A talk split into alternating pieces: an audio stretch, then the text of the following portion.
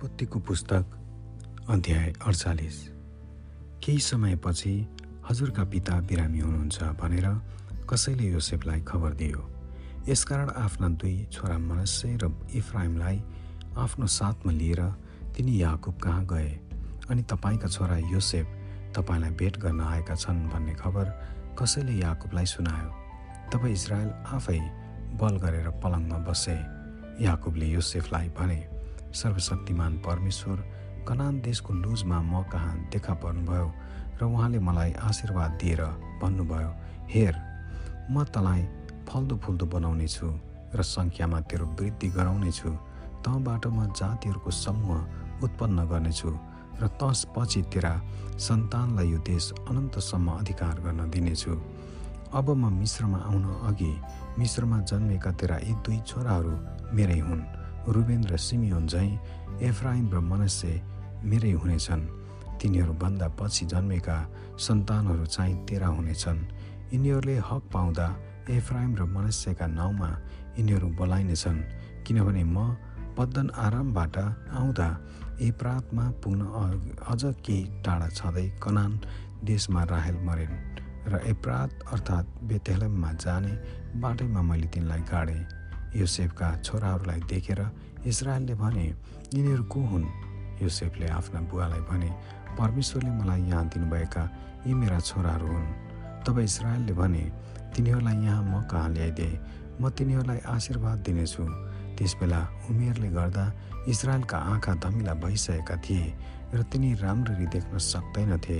यसकारण योसेफले तिनीहरूलाई तिनको नजिक ल्याइदिए अनि तिनले तिनीहरूलाई मुहाई खाएर अँगालो हाले इजरायलले योसेफलाई भने मैले त तेरो मुख देख्न पाउला भनी ठानेकै थिइनँ तर हेर मलाई तेरा सन्तान पनि परमेश्वरले देख्न दिनुभयो।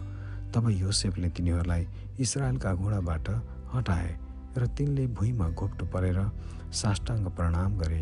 योसेफले ती दुवैलाई लिएर इफ्राइमलाई आफ्नो दाहिनेपट्टि र इजरायलको देब्रेपट्टि र मनुष्यलाई आफ्नो देब्रेपट्टि र इजरायलको दाहिनेपट्टि पर्ने गरी इजरायलको नजिक ल्याए।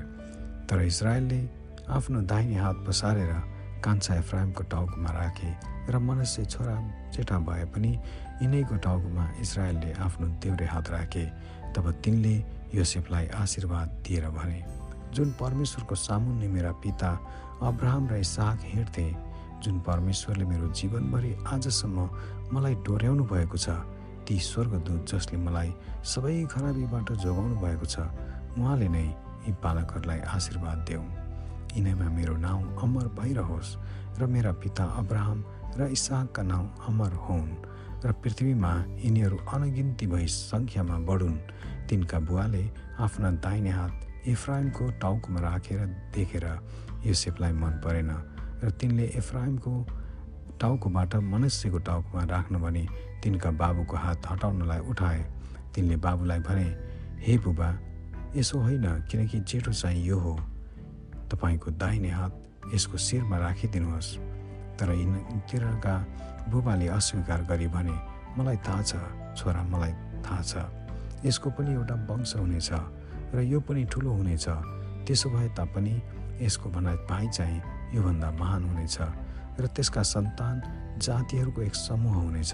इसरायलले तिनीहरूलाई त्यस दिन यसो भनेर आशीर्वाद दिए। इसरायलले तेरो नाउँ लिएर यस्तो आशीर्वाद दिनेछ। परमेश्वरले तँलाई एफ्राइम र मनस्य जस्तै बनाउन्। यसरी तिनले मनस्यभन्दा एफ्राइमलाई नै अगाडि राखे। तब पर इसरायलले योसेफलाई भने अब म मर्न लागेको छु। तर परमेश्वर तिमीहरूका साथमा हुनुहुनेछ र तिमीहरूलाई फेरि तिमीहरूका पिता पुर्खाहरूको देशमा लैजानुहुनेछ। त्यसबाहेक तेरा दाजुभाइहरूभन्दा त बढी भएकोले मैले तँलाई एउटा पहाडको पाखा दिएको छु जो मैले आफ्नो तरवार र धनुको बलले एमोरीहरूबाट लिएको थिएँ। आमेन।